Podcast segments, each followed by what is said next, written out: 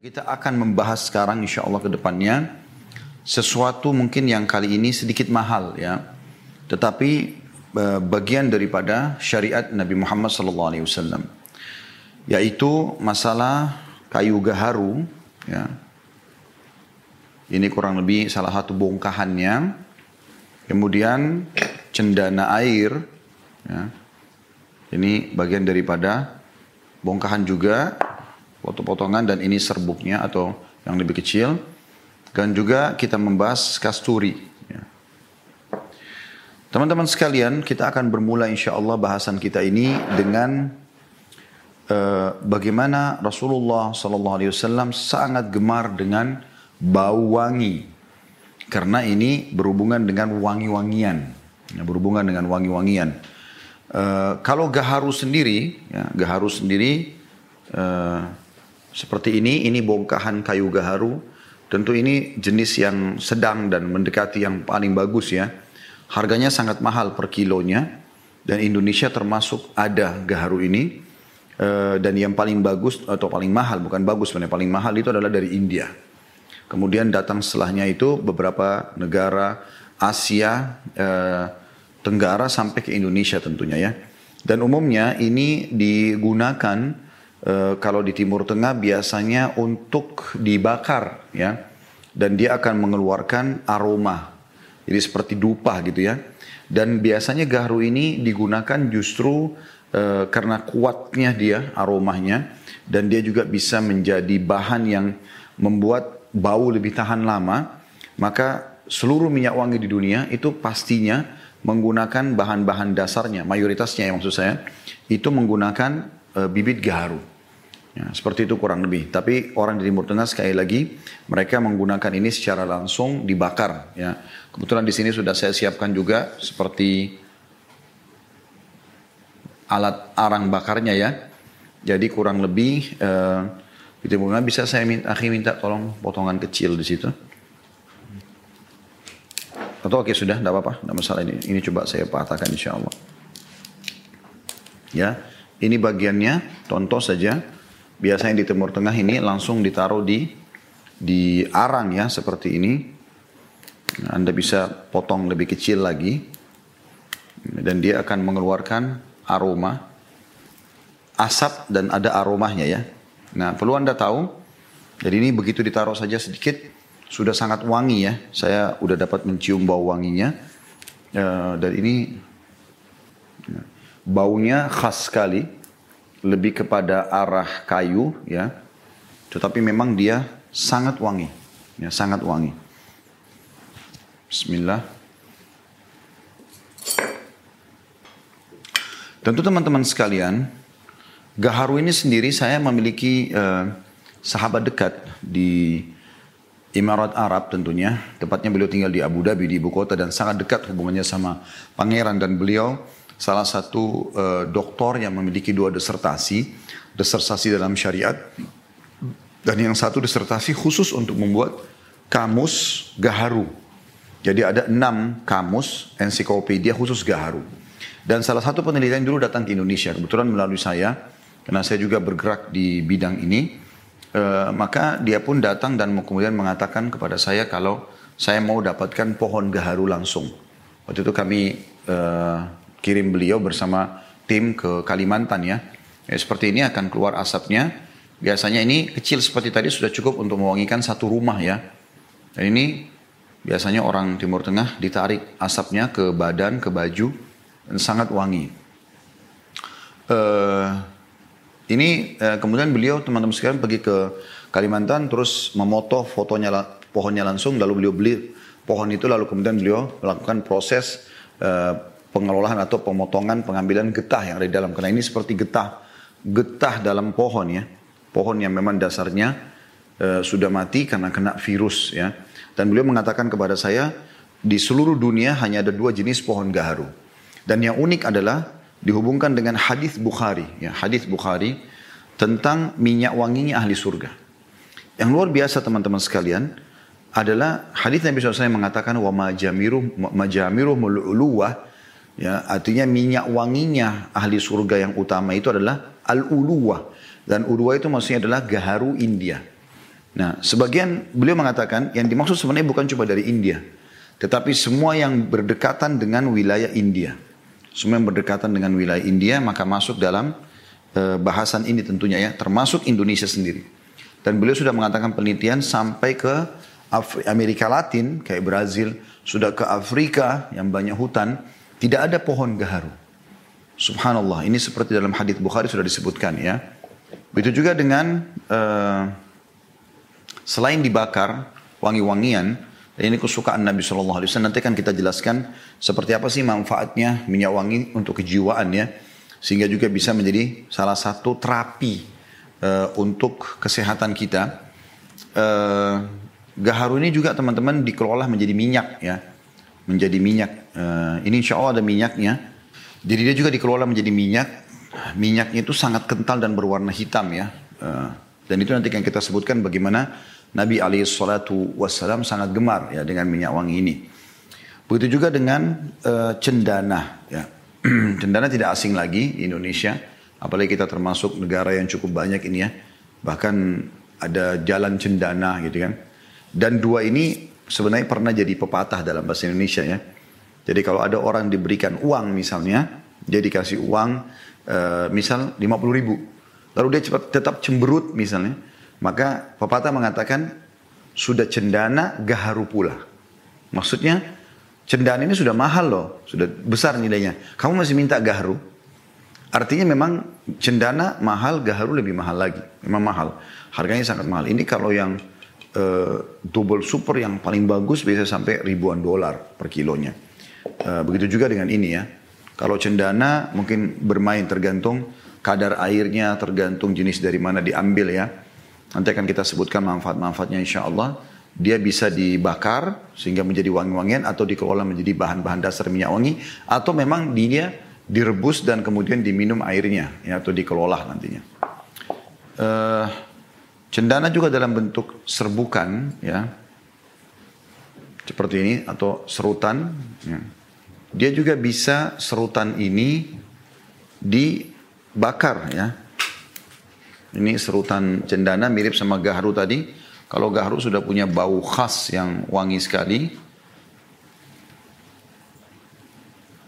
Sementara cendana sendiri juga punya bau lagi, ya, berbeda ya. Saya masih uh, menunggu sebentar baunya. Ya, kalau saya mencium uh, cendana ada bau wangi, tapi wanginya masih mendekati bau kayu ya. Kalau tadi gaharu itu memang lebih khas lagi. Seperti ada sedikit manis ya baunya. Seperti itulah kurang lebih teman-teman sekalian yang dimaksud dengan ini contoh saja bagaimana salah satu jenis pengelolaannya ya di apa maksud atau konsumsinya dikonsumsi langsung secara langsung. Dan ini contoh uh, minyak gaharu yang asli pure dia di diproses lagi gaharu ini. Tapi tentu yang diproses bukan gaharu yang bagus seperti ini, tapi yang diproses adalah gaharu yang biasa, uh, yang lebih murah dalam bentuk bongkahan besar, dimasukkan ke dalam sebuah alat dengan suhu panas tertentu, nanti kadar airnya akan terpisah dengan minyaknya, maka akan keluar minyak pure seperti ini. Biasanya orang membahasakan ini dengan bakhur atau ud ya, uh, dihin ud, maaf, dihin ud bukan bakhur dihin ud, maksudnya minyak gaharu. Cukup mahal, harganya berkisar kalau yang pure, uh, satu begini bisa dipakai lama sekali.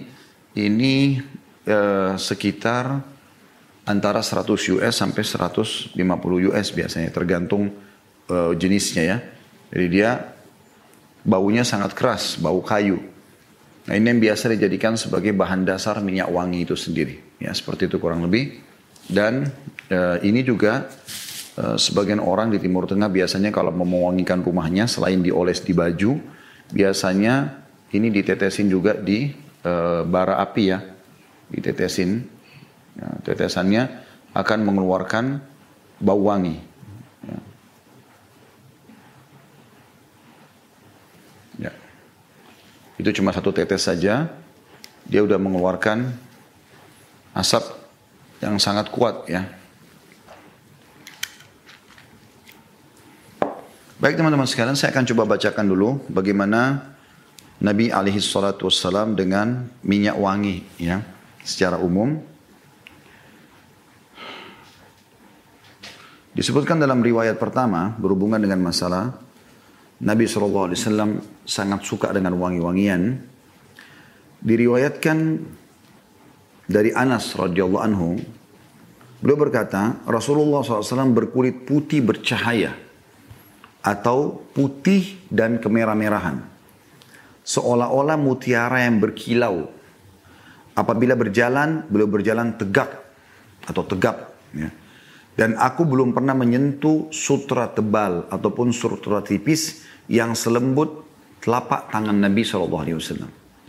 Dan aku belum pernah mencium bau minyak wangi, baik itu misk ataupun ambar, ya, jenis-jenis minyak wangi, yang lebih harum daripada bau harumnya Rasulullah Sallallahu wa ala alihi wa sahbihi wasallam hadis sahih riwayat Imam Muslim.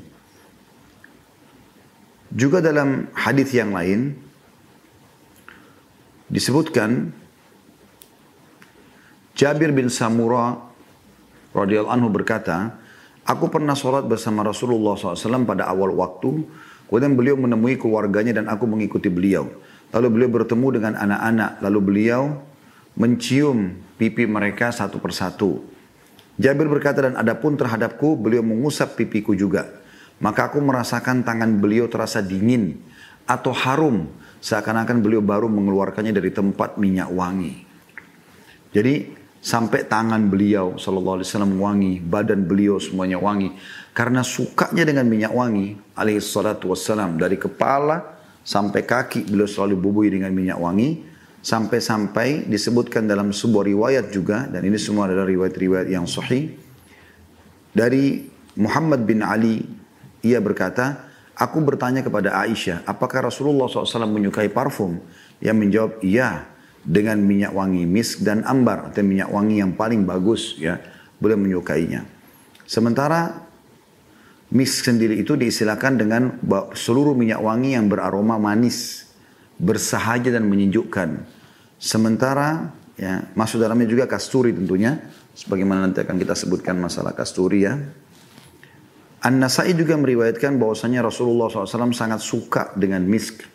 Artinya bau yang manis, yang sejuk ya. Gitu.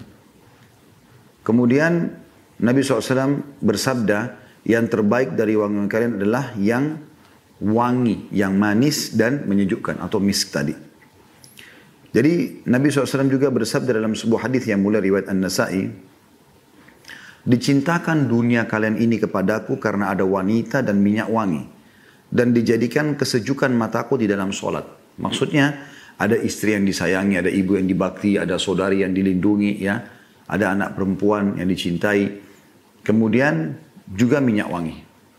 Dalam beberapa riwayat dinukil bahwasanya baginda Nabi alaihi salatu wassalam saking senangnya dengan minyak wangi sampai-sampai beliau pernah meneteskan minyak wangi yang dari kepalanya menetes minyak wangi itu jatuh.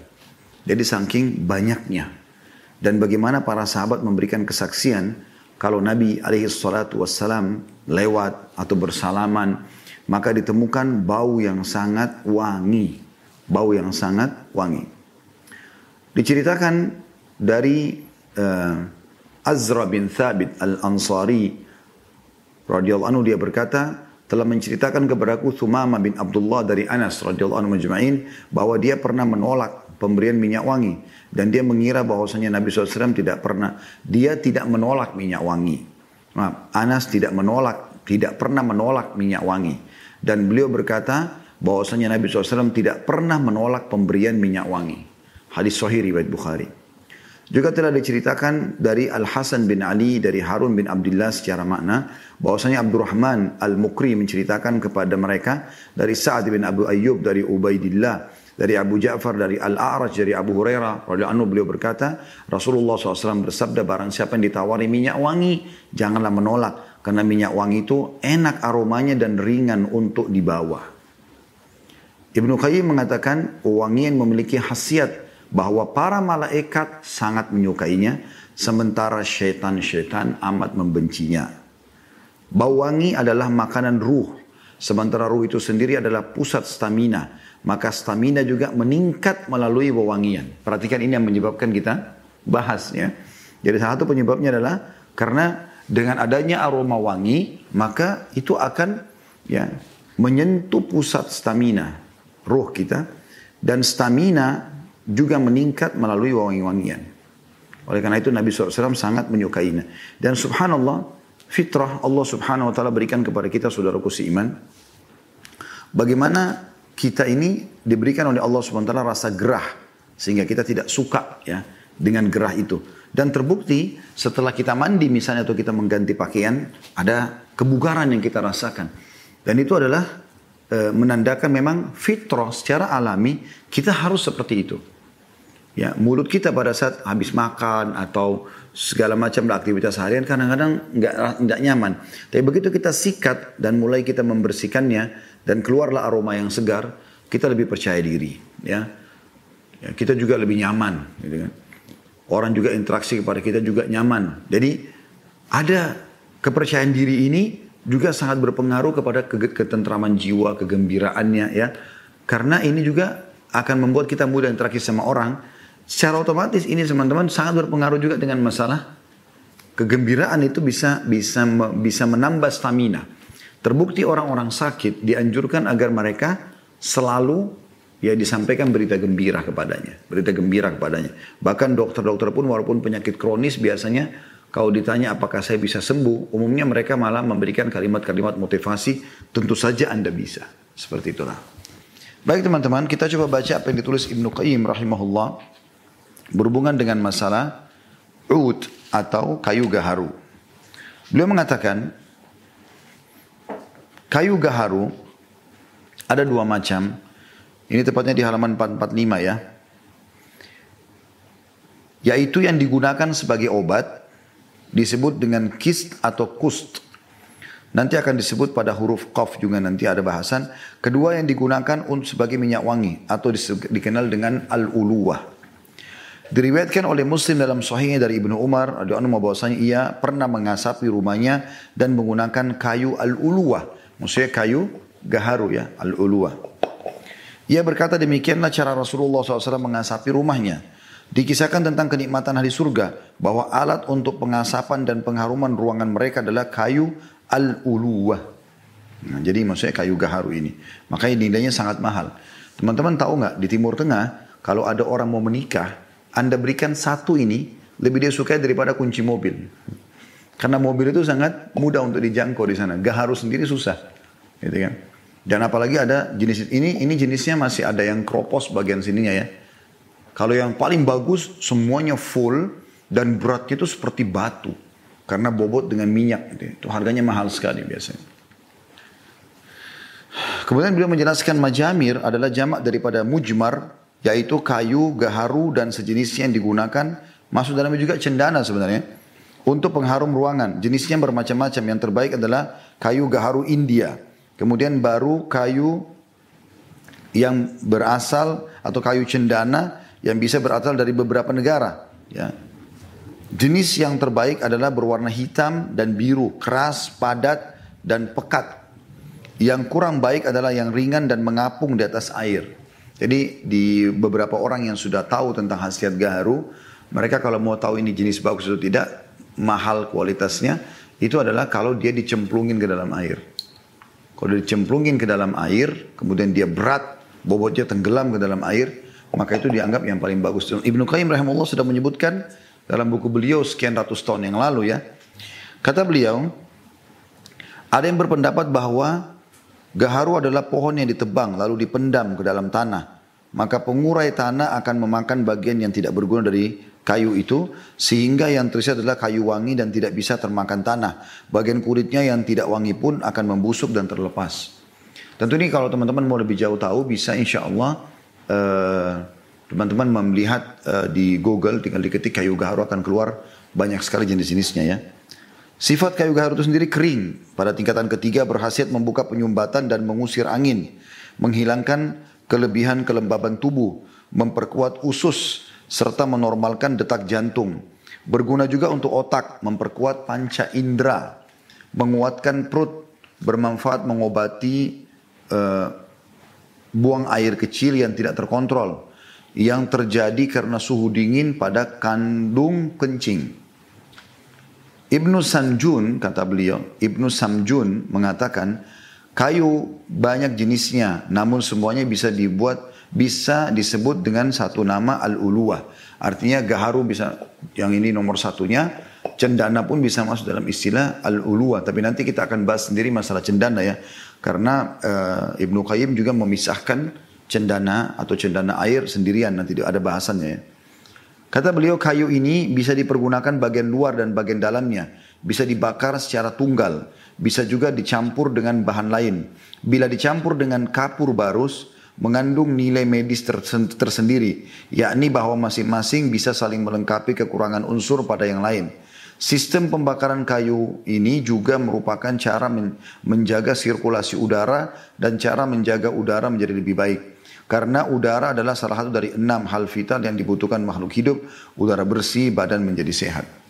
Jadi ini perkata Ibnu Qayyim rahimahullah berhubungan dengan masalah gaharunya sendiri ya. Gaharu itu sendiri.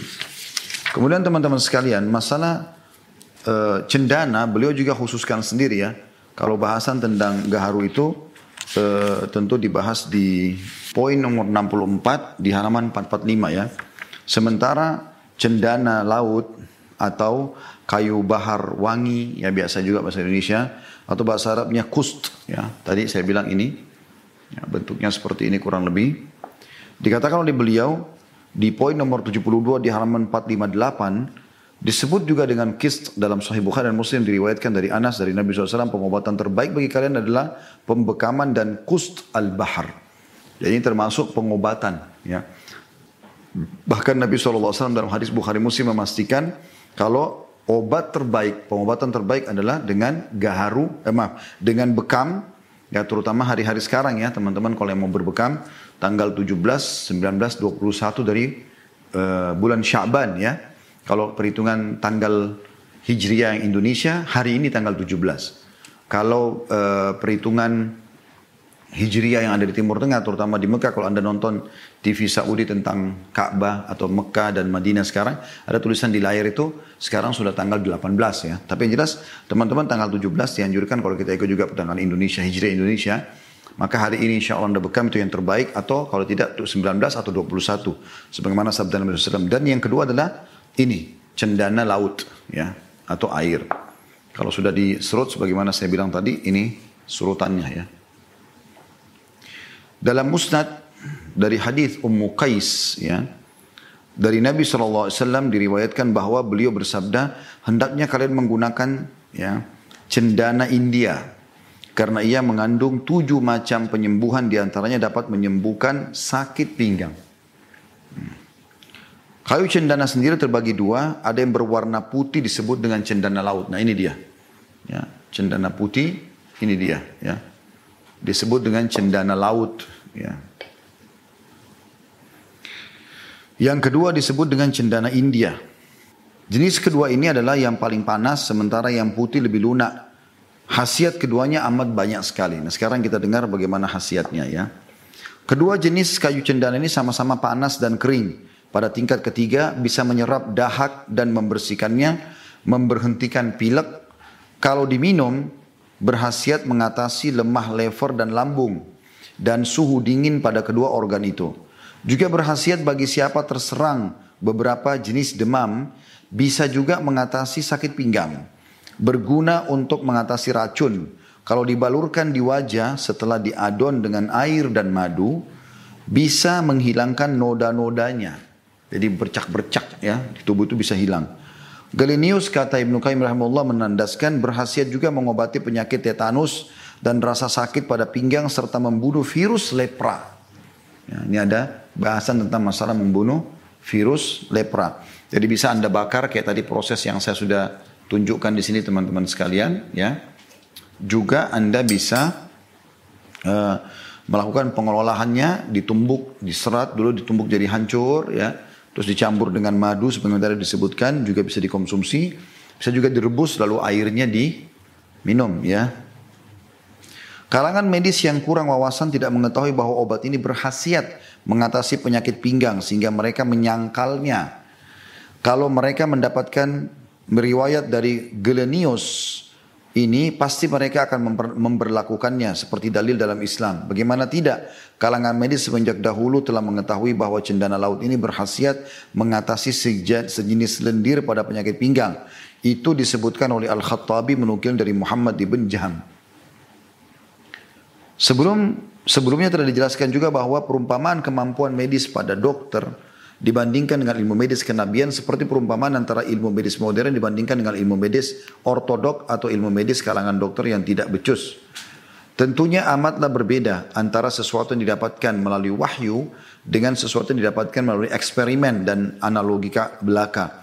Lebih dari sekedar perbedaan antara seorang tuan yang mulia dengan budak yang hina bedina atau yang hina dina. Maksudnya jangan sampai anda karena secara medis belum terbukti masalah gaharu, masalah cendana, Terus kemudian tiba-tiba Anda sendiri ya e, mengalihkan itu ya. Seakan-akan oh ini nggak mungkin lah ya atau mengatakan wangi-wangian tidak mungkin sampai e, bisa mengobati penyakit atau dan seterusnya. Kata beliau kalangan kalau kalangan medis yang jahil itu mendapatkan sebuah obat yang direkomendasikan oleh sebagian orang-orang Yahudi dan Nasrani serta kalangan medis musyrik, pasti mereka menerimanya dengan senang hati dan penuh kepercayaan, tidak akan berhenti bereksperimen. Benar, kami pun tidak menyangkal bahwa kebiasaan itu memiliki pengaruh terhadap kemampuan seorang pasien mengambil manfaat dari obat yang dia gunakan. Orang yang sudah biasa mengkonsumsi suatu makanan atau obat tertentu, obat atau makanan itu akan sesuai dengannya, akan serasi dan tidak berbahaya. Bahkan bisa jadi orang yang belum terbiasa tidak akan bisa mengambil manfaat dari makanan dan obat tersebut. Ulasan banyak para kalangan pakar medis pun meskipun bersifat umum, namun bergantung pada sistem metabolisme masing-masing orang, tempat, waktu dan kebiasaan. Meskipun adanya hal-hal khusus itu tidaklah mengurangi kredibilitas ucapan dan ilmu pengetahuan mereka. Karena bagaimana mungkin menolak kredibilitas yang berasal dari orang yang paling jujur dan paling benar, yaitu Rasulullah SAW. Akan tapi jiwa manusia memang dilengkapi dengan kejahilan dan kezaliman, kecuali jiwa manusia mendapat pertolongan Allah dengan ruh iman, serta diberikan sinar oleh Allah dengan cahaya hidayah. Saya ingin berbagi teman-teman tadi subhanallah tanpa saya programkan saya sempat uh, dikirimkan oleh seorang teman dari Saudi diangkat uh, cuplikan. Baru baru ya baru saja hari ini disampaikan tentang uh, sebuah lembaga penelitian uh, timbun nabawi atau pengobatan nabawi di Madinah ya. Itu mengadakan atau dia, menemukan bahwasanya kustahind atau ini ya gaharu ataupun bisa cendana ya dua-duanya itu sangat efektif untuk mengobati uh, corona di zaman sekarang dan juga mengatasi semua jenis macam-macam hal-hal yang tidak diharapkan atau tidak diinginkan dari penyakit-penyakit kronis ya seperti itulah. Jadi ini uh, disebutkan ada subhanallah disebutkan namanya sebentar saya lihat dulu. Ya, jadi beliau ini adalah uh, ketua penelitian pengobatan nabawi di Madinah ya dan dia menyebutkan kalau sudah ditemukan obat untuk corona seperti itulah. Dan yang dia fokus uh, mereka membahas tentang bagaimana kushin ini atau gaharu ya dan cendana ini bisa mengobati SARS pada saat keluar dulu ya. Salah satu dari sepupu corona ya seperti itulah. Dan itu sudah terbit buku di Madinah Munawwarah dan ini sudah cetakan yang kesekian kali dan sekarang kembali diangkat lagi dan itu ada cuplikan linknya, uh, tapi sayangnya dalam bahasa Arab ya. Cuman saya akan coba kirim ke teman-teman tim insya Allah dan saya akan minta agar teman-teman tim mengangkat uh, link ini atau cuplikan ini insya Allah di uh, medsos kami walaupun belum diterjemahkan walaupun belum diterjemahkan kita berharap tentunya uh, apa namanya bisa difahami dan maksudnya tujuannya apa. Seperti itulah. Jadi ini penelitian secara khusus ya. Bagaimana memang ditemukan ya dalam pengobatan kedua benda ini itu sangat besar sekali eh, pengaruhnya pada stamina dan juga pengobatan ya. Sebagaimana dikatakan oleh Ibnu Qayyim rahimahullah tadi. Kemudian juga ada lagi satu masalah misk ya. uh, masalah kasturi ya. Ya, beliau sebutkan di poin 85 di halaman 511 ya. Diriwayatkan juga dalam Sahih Muslim dan dari Abu Sa'id al-Hudri radhiyallahu bahwasanya Rasulullah SAW bersabda, sesungguhnya minyak wangi yang paling harum adalah kasturi. Dan teman-teman kasturi ini termasuk sering dipakai ya kalau dia adalah salah satu minyak wangi ahli surga. Tetapi saya pribadi belum berani meng, me, me, mem, membahasakan kalau ini kasturi asli. Ya. Tapi kami coba mencarinya dan saya melihat sih pribadi belum maksimal. Kemungkinan ada campuran ya. Dan ini juga bisa dioleskan di badan langsung atau Anda bisa masukkan sebagiannya atau dibubuhkan di arang ya cairannya. Itu nanti insya Allah akan akan keluar ya bau wanginya. Uh, apalagi memang saya melihat di sini masih uh, sangat murah harganya. Saya khawatir ini bukan sesuatu yang asli, tapi ini salah satu contoh yang banyak dijual di tempat kita di Indonesia yang mereka bahasakan minyak kasturi ya. Tapi uh, kalau anda ada kesempatan lagi umroh atau lagi haji, anda bisa menanyakan tentang kasturi asli. Tapi Nabi SAW menyebutkan ini salah satu bagian daripada minyak wangi terbaik ya. Kemudian dalam Sahihain Bukhari Muslim juga disebutkan dari Aisyah radhiyallahu anha, beliau berkata atau menceritakan aku pernah membubuhi minyak wangi kepada Rasulullah SAW sebelum ihram dan pada saat hari penyembelihan serta sebelum bertawaf dengan menggunakan wangi-wangian yang mengandung kasturi. Kasturi kata Ibnu Qayyim adalah rajanya mewangian yang terbaik dan paling wangi. Kasturi sering kali dijadikan sebagai perumpamaan. Hal-hal lain seperti atau hal-hal lain sering diserupakan dengan kasturi namun kasturi sendiri tidak bisa diserupakan dengan sesuatu apa pun. Kasturi adalah salah satu wangian surga. Ya, kalau teman-teman kembali ke kajian kami tentang uh, surga dan neraka, Anda akan temukan di situ kasturi sering kali disebutkan oleh Nabi SAW. Bau wanginya, sungainya, kasturi, uh, tanahnya, lumpurnya surga bau kasturi, uh, juga dan perumpamaan orang yang puasa, ya ya, itu lebih wangi di sisi Allah Subhanahu wa taala dari bau kasturi, bau mulutnya kalau dia berpuasa gitu kan. Kata beliau sifatnya kering pada tingkat kedua bisa menenteramkan dan memperkuat jiwa, menguatkan organ tubuh bagian dalam seluruhnya bila diminum dan dihirup. Tentu bukan pengolahan minyak wangi seperti ini ya. Saya pribadi belum menemukan bahan dasarnya kasturi itu ya. Mungkin kita perlu lebih jauh menemukan atau mencari tahu bahan dasarnya. Dan itu yang dimaksudkan di sini bisa diminum, mungkin direndam dengan air mirip tadi gahru, bisa direndam dengan air ataupun cendananya ya. Secara zahir bisa, bila dioleskan ke tubuh bisa berhasiat bagi orang-orang tua dan mereka yang terserang kedinginan atau kelembapan. Terutama sekali pada musim dingin, amat baik untuk orang terkena rabun senja, jantung berdebar, lemas-lemas dengan memacu panas tubuhnya secara alami. Bisa juga memperindah putih mata dan dan menghilangkan kelembabannya, menghilangkan angin dari mata dan dari seluruh organ tubuh lainnya, serta menolak racun. Berhasil juga mengobati akibat gigitan ular berbisa. Khasiat lainnya masih banyak sekali, bahkan kasturi merupakan obat penenang yang terbaik. Ya, jadi ini teman-teman sekalian yang dibahas tentunya, tapi saya ingin memberikan sebuah kesimpulan kalau uh, yang sedang kita titik beratkan di sini adalah bagaimana seseorang di antara kita ya menggunakan wangi-wangian dan ini sudah umum ya. Mungkin kalau kita sekarang sudah ada sampo, ada sabun, ada parfum ya yang kita bisa pakai semua itu tapi ini yang disebutkan dalam hadis ya sebagai uh, uh, minyak wangi yang memang pernah dipakai oleh Nabi alaihi salatu wassalam. Ini insya Allah bahasan kita teman-teman sekalian.